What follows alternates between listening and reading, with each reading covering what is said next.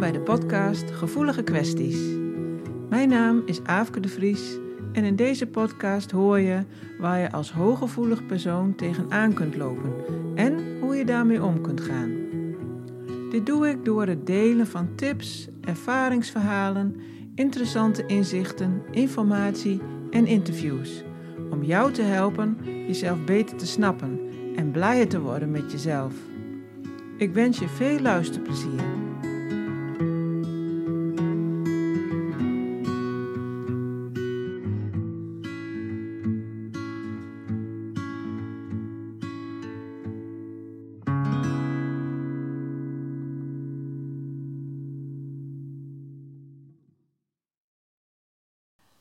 Deze aflevering heb ik een gesprek met Jimmy Bieze. En ik ken Jimmy vanuit uh, de GGZ, waarin ik heb gewerkt. Hij is inmiddels um, uit, uh, ja, uit de therapie. En hij heeft zich ontwikkeld en hij is inmiddels bezig met het opzetten van een eigen praktijk. En nou, dat vind ik eigenlijk superleuk en uh, eigenlijk ook heel interessant hoe hij dat voor elkaar heeft gekregen. En daarom heb ik een gesprek met hem. Welkom Jimmy. Ja, dankjewel. Dankjewel. Fijn dat ik hier mag zijn. Ja, leuk dat je het wilt. Ja. Ja. Ja, misschien kan je daar eens iets over zeggen, over jouw uh, lange weg en ja, waar je nu staat en hoe dat allemaal begonnen is. Ja. Um, nou, dan gaan we vijf of... Ik, ik weet het niet meer precies. Ik denk vijf of zes jaar uh, gaan we dan even terug. Ja.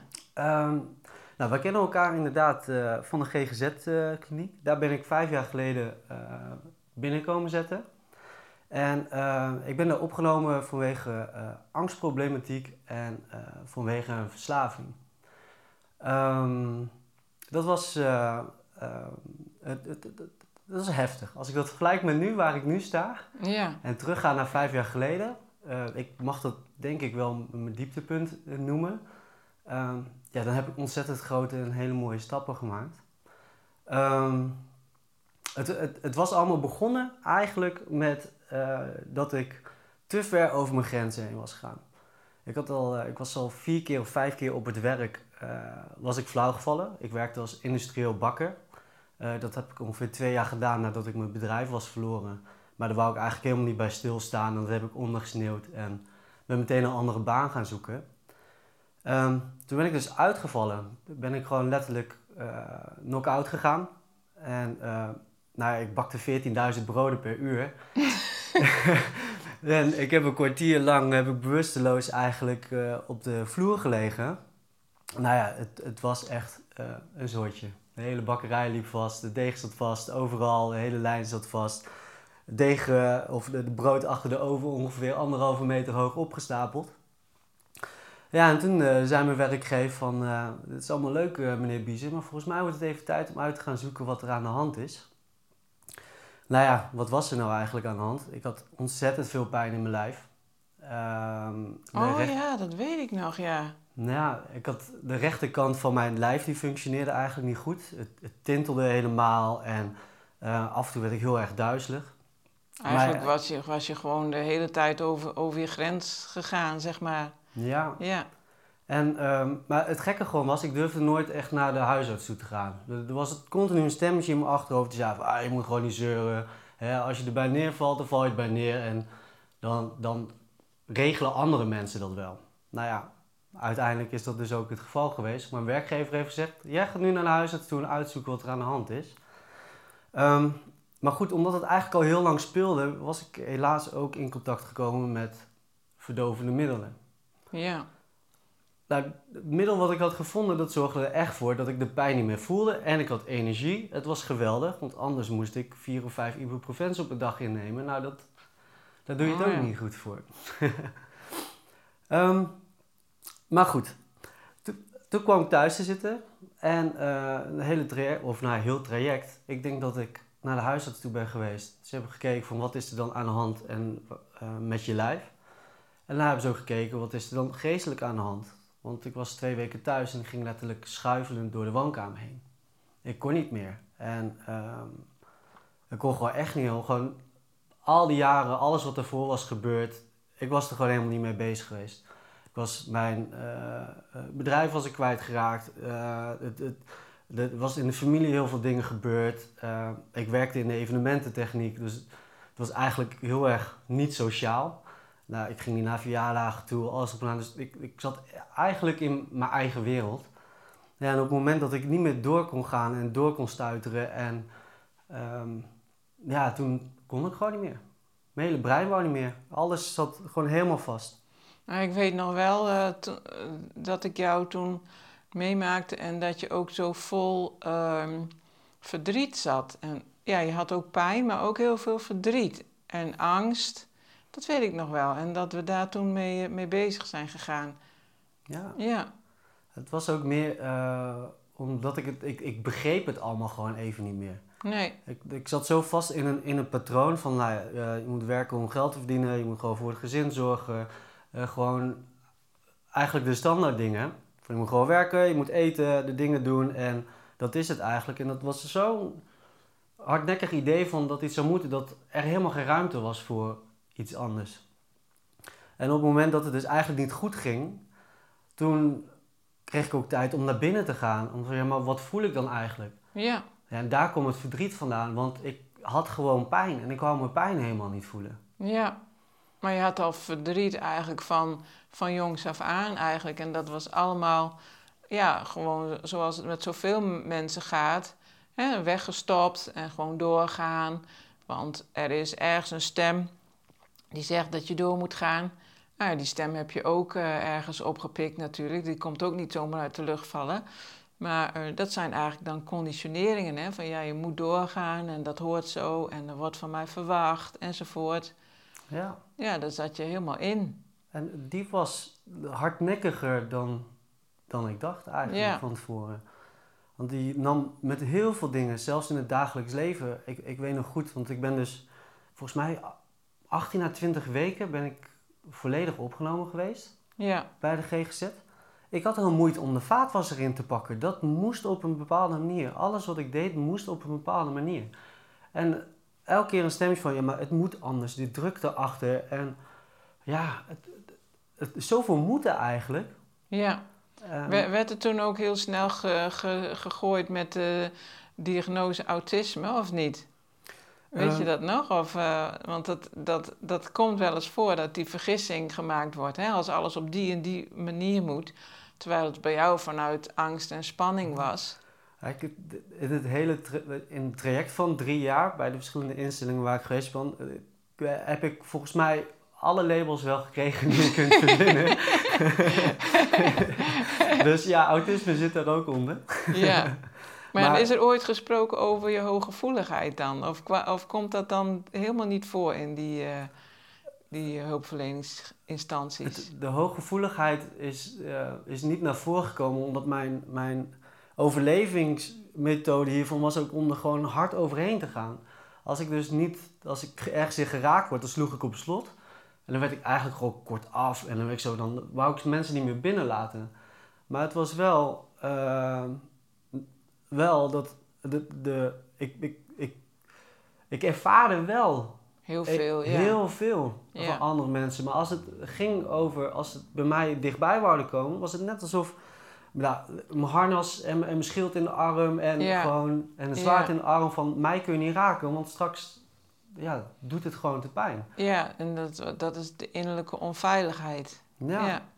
En die, mijn, mijn eh, defense mechanisme, die was gewoon ontzettend, ontzettend groot. Weet je nog dat we daar een muziekstuk over gemaakt hebben? Ja, van vier, vier emoties. Ja, ja. Ja. En Ja, daar hebben we daar een opname van gemaakt. En eh, ja. Maar dat ging ook heel erg over eh, dat je je zo onveilig voelde en dat je het niet durfde te voelen. Ja. Ja, dat zijn we vier verschillende stadia's zijn we doorgegaan. Ja, Volgens mij eerst nog van bang, eh, ja, eerst bang, verdrietig. Nou, daarna kwamen we bij boos en uiteindelijk bij blijdschap uit. ja. en toen is zo wat de hele kliniek ontploft. En toen ging jij keihard op dat drumstel. dat weet ik nog wel. Ja, Dat er toen ook eh, mensen last van hadden van het harde drummen. ja. Er moest echt wat uit ook. ja, Ja, want toen, toen wij, eh, ook, ook gewoon met de groep met wie we waren tijdens de sessies bij jou, Ik durfde niet eens ruimte in te nemen in de groep. Ik durfde niet eens geluid te maken of instrumenten te pakken. Ja, dat was daarvoor nog. Dat ja. was daarvoor nog. Nou ja, ongeveer een jaar later, toen eh, stond ik al flink te ruisen op het drumstel. Ja. Dus dat was al een heel, eh, heel mooi punt in het proces.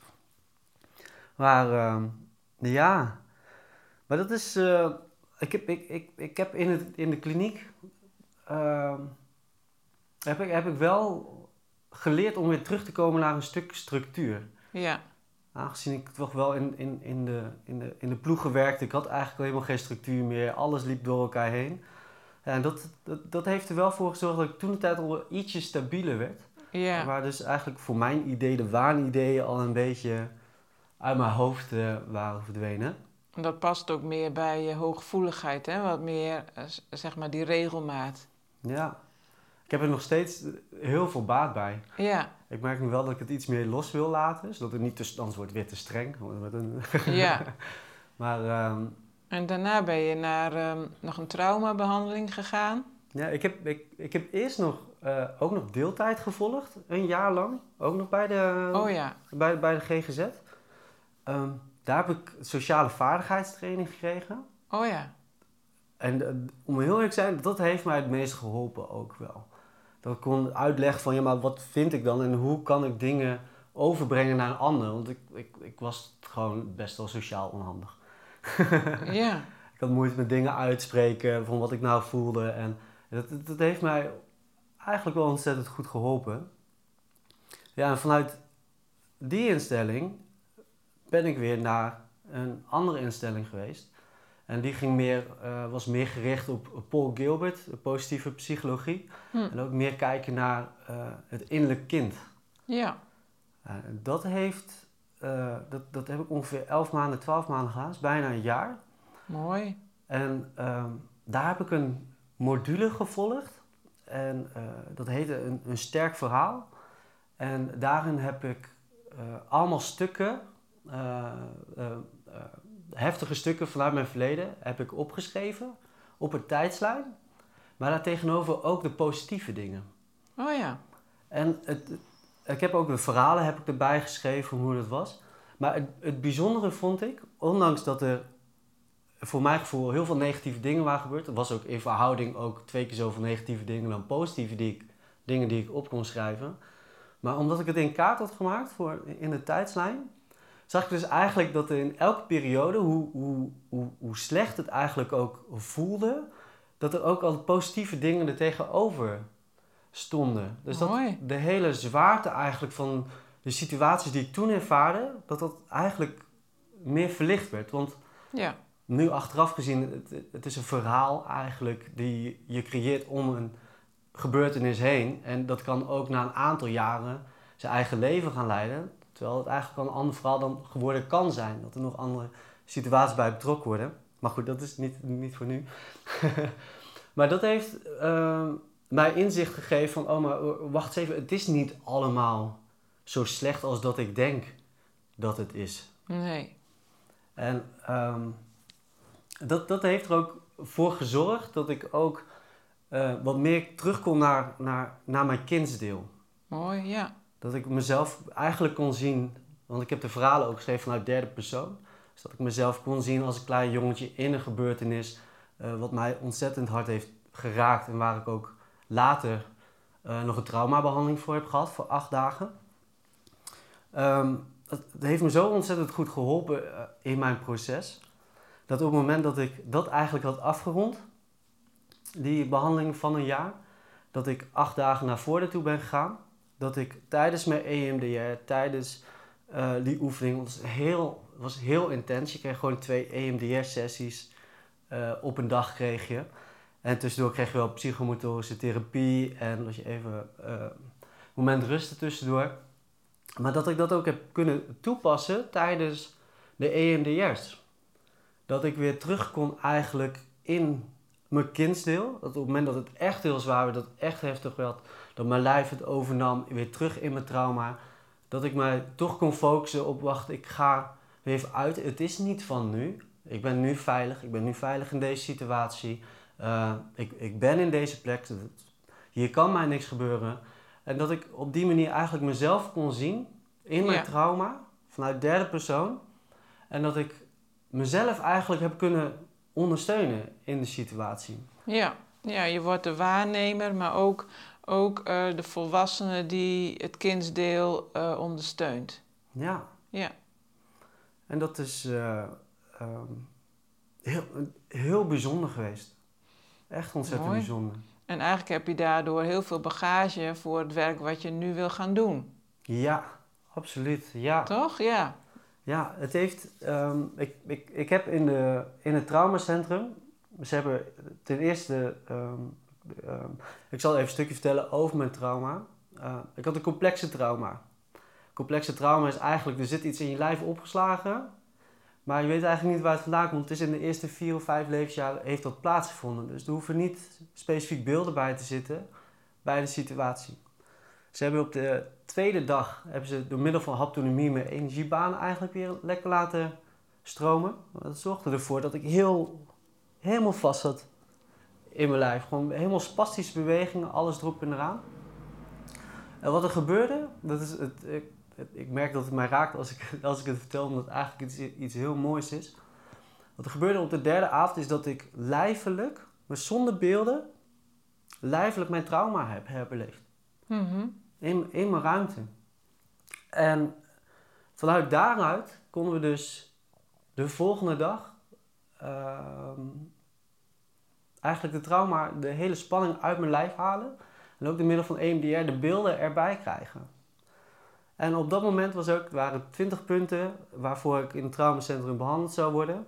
Dit was op de derde dag eigenlijk al geslaagd. Daarna, de, de, de dagen die daarna kwamen, die vlogen gewoon voorbij. Het was zo De angel was eruit. de angel was eruit. En het was, ik voelde me al- al- alsof als, alle last was eraf. Ik liep niet meer voorovergebogen. Nee, ik liep gewoon recht overeind. Ik, ik, kon, ik, ik kon dingen gewoon zien. Ik, ik weet niet zo goed hoe ik dat moet uitleggen. Maar het was net alsof er een filter voor mijn ogen weg was. Een soort van grijs filter, zwart-wit filter. Dat het in één keer alles veel meer kleur had. En Mhm. dat was zo'n bijzondere ervaring. Dat ook zelfs toen ik klaar was met, eh, met, met de traumabehandeling. Dat ik zat te zeggen, maar wat, wat is er dan eigenlijk gebeurd? Want ik kan het wel vragen. En ik heb natuurlijk een natraject ook gehad, een nabehandeling. Ik zeg, ja, dat is leuk, dat horen we vaker. Drie of negen maanden, hè, dan kom je dan weer terug. En dan zal dat gevoel weer weg zijn. Want eigenlijk was het een euforisch gevoel, terwijl ik in een traumacentrum was. Dus Ja. ja. dat hoort er allemaal bij. En ik dacht, ja, maar dit, voor mijn gevoel was het iets, iets veel moois, iets veel groters wat ik heb ervaren. En ik zou graag willen weten van, ja, maar waar komt het dan vandaan? En toen is het moment gekomen dat ik toch zoiets had van, oké, nu wil ik het wel gaan uitzoeken. En vanuit daaruit heb ik, ben ik boeken gaan lezen, nog meer boeken gaan lezen. Van, ja, maar wat, wat is er dan gebeurd? Nog meer boeken. En denk ik, ja, ja, ik denk het te weten. Nee, het is toch niet voldoende. Dan krijg ik weer nieuwe vragen. En op, op die manier ehm, allemaal verschillende invloeden eigenlijk bekeken van waar zou dat vandaan kunnen komen. Gewoon vanuit de geestelijke gezondheidszorg, maar ook dan in één keer vergelijkingen met, met, met het Taoïsme, met het Boeddhisme, met religies, met dingen die erbij komen. Kijk, Ja. omgang met andere mensen, hoe dingen gaan in de binnenwereld, hoe zit het met, met, je, met je hormonen en wat komt er allemaal tot stand als je wordt aangeraakt of wat dan ook. En allemaal dat soort dingen. Eh, de hormonen vanuit je binnenwereld, ervaringen en dat alles bij elkaar. Denk ik toch te weten zo, oh wacht, maar misschien. Het is, het is niet dat ik een antwoord wil hebben van hoe alles is gekomen, maar ik denk toch wel een richting te hebben nu van hoe het is gekomen dat ik dat zo mooi heb kunnen ervaren. En mijn doel eigenlijk is, is om ehm, die ervaring die ik daarin heb meegekregen, dus ook het, het, het loskomen eigenlijk van mijn angsten, het loskomen van mijn beeld van hoe iets zou moeten zijn, ideaalbeelden die eigenlijk niet van mij zijn, maar van vroeger eigenlijk mee zijn genomen van meningen en oordelen van anderen die ik mijn eigen heb gemaakt, om dat stukje ehm, door middel van coaching eigenlijk ook mee te willen geven aan andere mensen. Ja.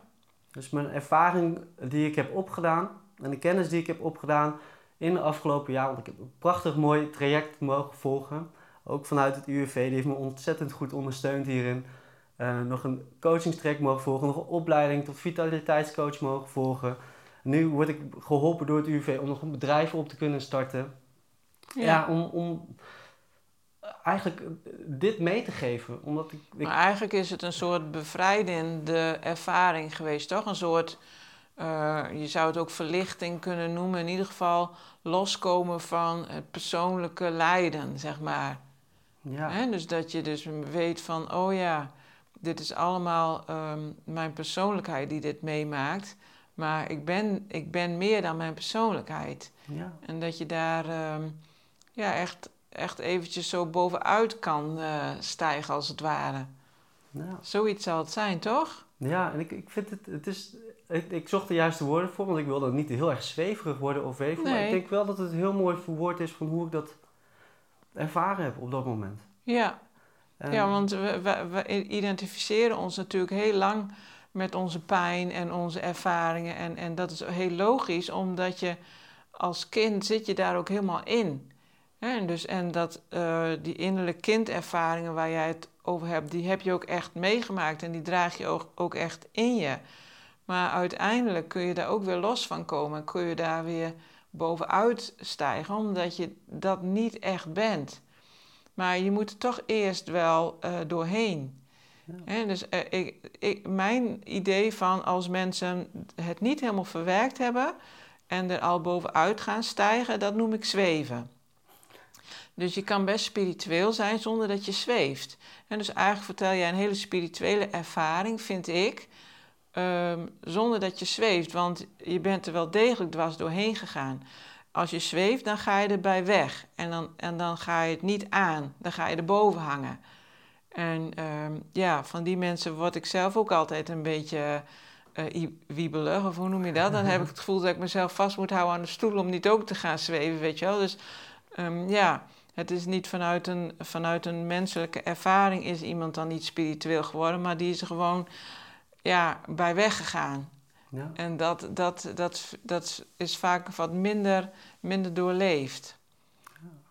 Herken je dat een beetje wat ik zeg? Dus dat het toch een soort spirituele, spirituele, spirituele ervaring is. Ja, het, het, is, ik, ik, ik, ben nu voorzichtig in mijn verwoording. Ja, Eh, maar het moment was echt heel erg spiritueel. ja, Ehm, ik toch, nu we het er toch over hebben, ik, ik denk dat ik het misschien wel wil uitlichten. Op, op, op het moment ehm, dat ik echt los ben gekomen van, van de zwaarte van het gevoel, was op het moment dat ik dus weer terug ben gegaan tijdens de EMDR ehm, naar het gevoel en, en naar de beelden. Maar op het moment dat dus eigenlijk het filmpje helemaal kon afspelen, dus waren het vast allemaal plaatjes die eigenlijk waren, er kwam heel veel spanning in vrij. Op het moment dat het filmpje rustig kon afspelen en het was klaar, mhm, dat ik zoiets had van, er werd er aan mij gevraagd, ja, maar hoe voel je? Nou ja, ik heb een verslavingsachtergrond, dus ik, ik zei, nou, ik, ik voel me eigenlijk ontzettend stoned. ik ben, ik voel me, ja, maar ben je dan ook stoned? ja, Ik zeg, nee, ik ben veel meer dan, eh, Ja. dan stoned. Toen vroeg ze ook, van, ja, maar wat zou je willen doen? Ik zeg, ik wil mezelf knuffelen. oh ja, Ik zeg, ik wil mezelf knuffelen. Dat is het enige wat ik wou. ja. Ze zeggen, ja, maar wat voel je dan?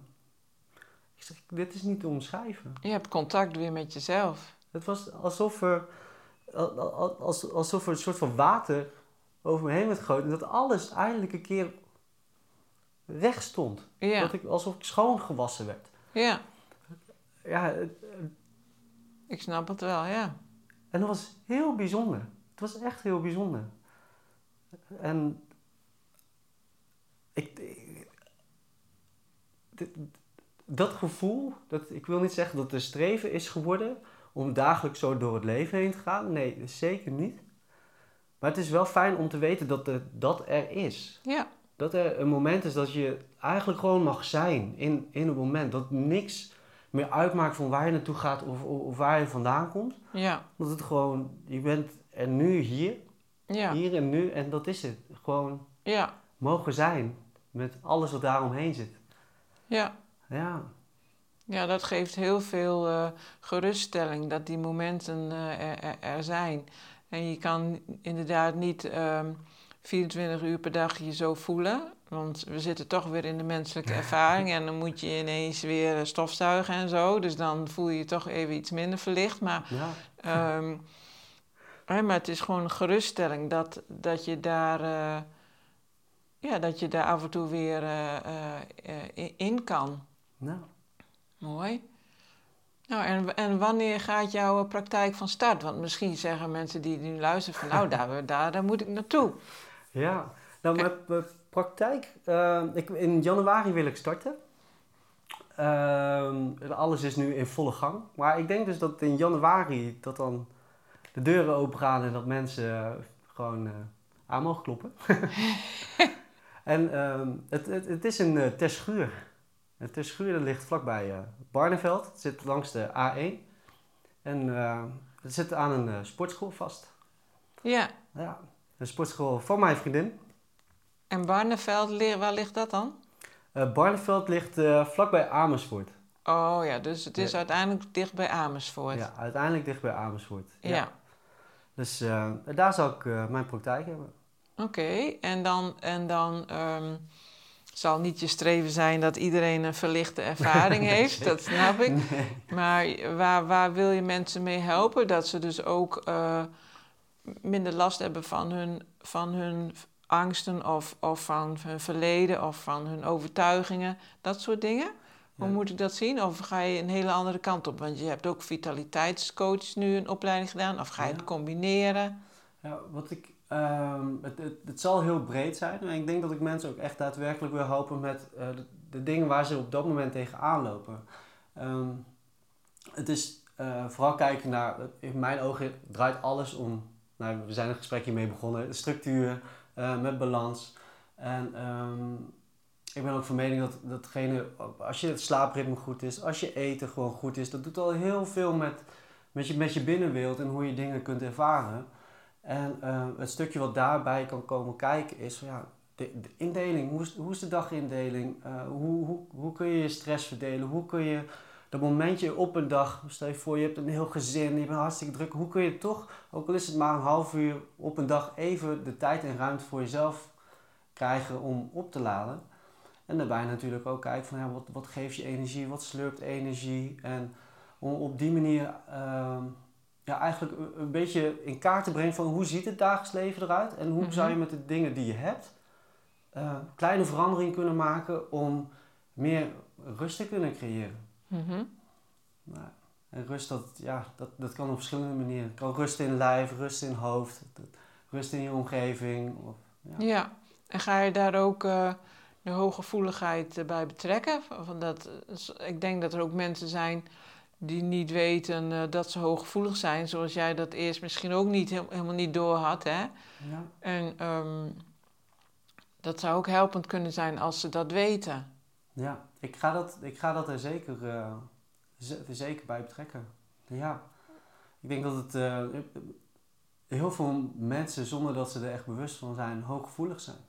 Dat ze eigenlijk werken als een soort magneten en dat ze alleen maar langs iemand heen lopen en dat ze denken, oeh, iets ervaren van, oh, wat, wat gebeurt hier? Ik, ik snap het niet. En dat ze daarvan eigenlijk van slag kunnen raken, terwijl het misschien niet eens van hunzelf hoeft te zijn. Ja, dat ze het overnemen of, aanvoelen. Ja. Nou, en wat doe jij dan nu zelf daaraan? Want hoe blijf jij dan, eh, zeg maar, qua hooggevoeligheid in balans?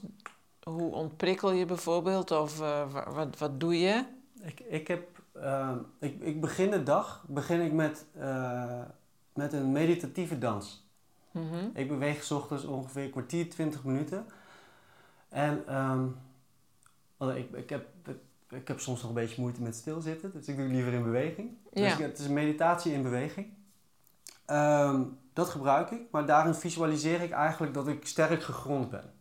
Ja, gronden is, dat komt overal weer terug. Dat is zo belangrijk. Ja. En vanuit daaruit, vanuit de visualisatie, ehm, ik, ik, ik denk dat ik dit gewoon even gewoon een beetje bij de naam moet noemen. Eh, ik, ik gebruik een shamanistische meditatie, 's Ja. ochtends. Waardoor ik dus al meteen lekker die, de, de energieke stroom eigenlijk krijg vanuit de dans. In een flow kom, in een ritmische flow. eh, wat ervoor zorgt dat dus mijn brein wel ietsjes rustiger wordt. Maar mijn lijf wordt al gewoon lekker geactiveerd. En op het moment dat mijn lijf in beweging is en ik uit mijn hoofd ben, dan visualiseer ik dat ik dus eh, een boom ben die geaard is. En dat alles welkom is, alles mag er doorheen waaien, alles mag erop en eraan. Maar mijn energie is voor mij. En als er, iedereen die mag energie er doorheen laten stromen, dus alle wind mag gewoon door mijn bladeren heen waaien. Het, ik, ik, vind het lastig om het uit te spreken, ik wil niet dat het te zweverig wordt. Maar dit is in ieder geval hoe ik uh, uh, mijn ochtend eigenlijk uh, begin. Ja, en dat jouw stam is solide en die blijft en je wortels zijn goed gegrond. En dat is, is, is stevigheid. En de, de, ja, het leven of de wereld of wat dan ook, ja, dat is er gewoon. Ja. En die, die mag, die mag plaatsvinden, zeg maar, zonder dat jij um, ja, omwaait. Ja. En ik, heb, ik, ik ben bewust van mijn hooggevoeligheid. Met, met, ik ben nu twee jaar samen met Milou. Milou die moest er even aan wennen. Dat als we in een stad lopen en mensen komen met hoogsnelle achter aanlopen, dat ik niet hoef te kijken, maar opzij stap om de mensen er langs heen te laten gaan. Ja. In het begin moest ze eraan wennen en nu, zegt ze, ik, ik, nu snapt ze het ook gewoon. En nu voelt ze het ook gewoon mee van, oh wacht eens even, er gebeurt iets. Omdat, anders voel ik mij geduwd. Ja. En ja, het, het mag er ook gewoon zijn. Mensen mogen ook wel duwen, maar ik heb ook gewoon zoiets, ik laat me niet opduwen. Ja. Dus ik laat me niet andermans uh, uh, energie, mijn stressniveau, laat ik niet mijn stressniveau beïnvloeden. Want ja. ik weet gewoon, als ik daarin meega, dan weet ik wat de consequenties op langere termijn ervoor kunnen zijn. Maar als jouw stress wel een keer oploopt, wat doe je dan nu anders? Want nou, vijf jaar geleden ging je daar natuurlijk heel anders mee om. Maar wat doe je dan nu? Ga je dan juist wandelen? Of ga je, uh, uh, volgens mij deed je watersport of zo ook, hè? Ja, ik doe uh, nu watersport inderdaad. Dat is iets nieuws van de afgelopen twee jaar. Ja, helpt jou dat dan om bijvoorbeeld stress te laten zakken of rustig te worden in je hoofd? Ja, water is, is een van de belangrijkste dingen. Als ik echt gestrest ben of als ik merk dat het niveau... Ik, ik, ook al douche ik maar gewoon even één minuut. Ook al spoel ik het er even af. Dat vind ik ook prima. Oh ja. Als ik uh, merk dat ik heel veel in mijn hoofd zit, dan... Ik, ik trek gewoon mijn schoenen en mijn sokken uit. Ik ga gewoon buiten gewoon lopen. Ja. Gewoon even, even voelen hoe mijn voeten op de grond staan. Ja. En dan kom je ook eigenlijk weer terug in je lijf en, en in het hier en nu. Ja. Dus dat zijn, uh, dat zijn echt de dingen die ik gebruik. En ja, ik, ik, ik doe nu aan weekborden. Ja, dat, is gewoon, je kan ook nergens anders aan denken. Want als je, ja, dat is, dat is gewoon heerlijk. ja, het zonnetje, water, alles erop en eraan. Dat, dat, dat, dat helpt mij. Ja. ja. En dansen. Dat is ook, uh, dit zijn allemaal dingen die ik, die ik jaren, vijf jaar of zes jaar geleden... Nou, toen we elkaar leren kennen woog ik volgens mij ietsjes meer. Een kilootje nou, of, dat dat wel. Ja, je bent gehalveerd of zo. Ja, een kilootje of 30 meer. Ja, ik, had, ik had me nooit, uh, nooit, nooit kunnen voorstellen dat ik nu eigenlijk op, op dit moment in mijn leven de dingen doe die ik eigenlijk al altijd had willen doen. Nee, nee je staat gewoon hartstikke vast overal in. Ja, Ja, ja nee, dat is dag en nacht verschil. Ja. Ja, dus eh, ja, je, ik zou ook zeggen tegen iedereen, ga, ga het aan. Als je, als je ergens mee zit of ergens vast in zit, doe het. En uh, jij bent een levend voorbeeld van hoe het uit kan pakken. En dat je een veel leuker en gezonder ook hè, leven kan hebben als je, als je de diepte toch uh, ingaat. Ja. En hoe kunnen mensen jou nou vinden? Want heb jij al een, een, een naam bedacht uh, van je praktijk? Of moet dat via die sportschoolnaam? Of... Nou, ik, uh, het, het is nu allemaal in opstart en ik, toch zit er nog een stukje in mij wat, wat, wat, wat er continu blijft twijfelen. Want ik, uh, ik, heb, ik heb mijn proces heb ik ook opgeschreven. Nou, ik heb, ik heb ook... Ga je een boek uitbrengen? Ik heb niet de ballen om een manuscript in te leveren, want ik heb dus gewoon letterlijk een boek geschreven van 160 pagina's, eh, wat over mijn proces gaat en deze dingen ook in omschreven. Het zou wel een mooie eh, reclame zijn voor je praktijk. Zeker. En daarnaast ehm, heb ik ook een systeem ontwikkeld die ik ook eigenlijk wil gaan gebruiken eh, binnen de coaching. En ehm, de naam, de naam die ik dat heb gegeven, weet ik nog niet of ik die naam mag geven. Dus dat is lastig. Oh, dus dat blijft toch een verrassing. Dus dat blijft inderdaad nog een Maar, verrassing. maar hoe kunnen mensen jou dan toch vinden? Als ze nou wel op een gegeven moment willen weten of je al begonnen bent enzovoort. Ja. Of moeten ze dan op je Instagram kijken? Of, Dus ze kunnen op mijn eh, Instagram kijken, is gewoon Jimmy Biezen. Dat is Ja. mijn eh, Instagram. dan zet ik dat er wel even onder. En ik zorg gewoon dat er eh, binnen nu en twee weken gewoon een website in de lucht is waar mijn gegevens op staan. Zo. En dat, zal, dat zal dan gewoon jimmybiezen.nl zijn. Dus, eh, Oh, dat is lekker kijk. makkelijk hè? Dat is, dat is altijd goed. Ja. Ja. En dan, ja, dan ben ik rond die tijd daarop te vinden. Oké. Ja, Nou, ehm, heel erg bedankt voor je open gesprek. ja En, en het, ja, het kwetsbaar opstellen daarin. En ehm, ja, ik denk dat het voor mensen heel fijn is om zo'n voorbeeld eh, te horen, hoe het kan. En eh, dat is gewoon heel, heel fijn eh, om, om ja, zo'n verhaal te hebben in plaats van een, een slachtofferverhaal. Dus ehm, nou, heel erg bedankt. Ja, geen dank. Dankjewel dat ik hier mocht zijn. Wil je meer weten over jouw hooggevoeligheid en hoe je ermee om kunt gaan? Kijk dan eens op mijn website, waar je als deelnemer toegang kunt krijgen tot alle trainingen, waardoor jij in balans kunt komen en blijven. Ga naar www.dathebiknoualtijd.nl voor meer informatie en om jezelf in te schrijven. Is er een onderwerp waar je graag een podcast over wilt horen? Of ben je benieuwd naar een interview met iemand? Laat het me weten. Ken je iemand die deze podcast interessant zou kunnen vinden? Stuur hem dan gerust door. En als jij dit een waardevolle of leuke podcast vindt, dan zou ik het heel erg waarderen als je een review achterlaat. Bedankt voor het luisteren en tot de volgende keer.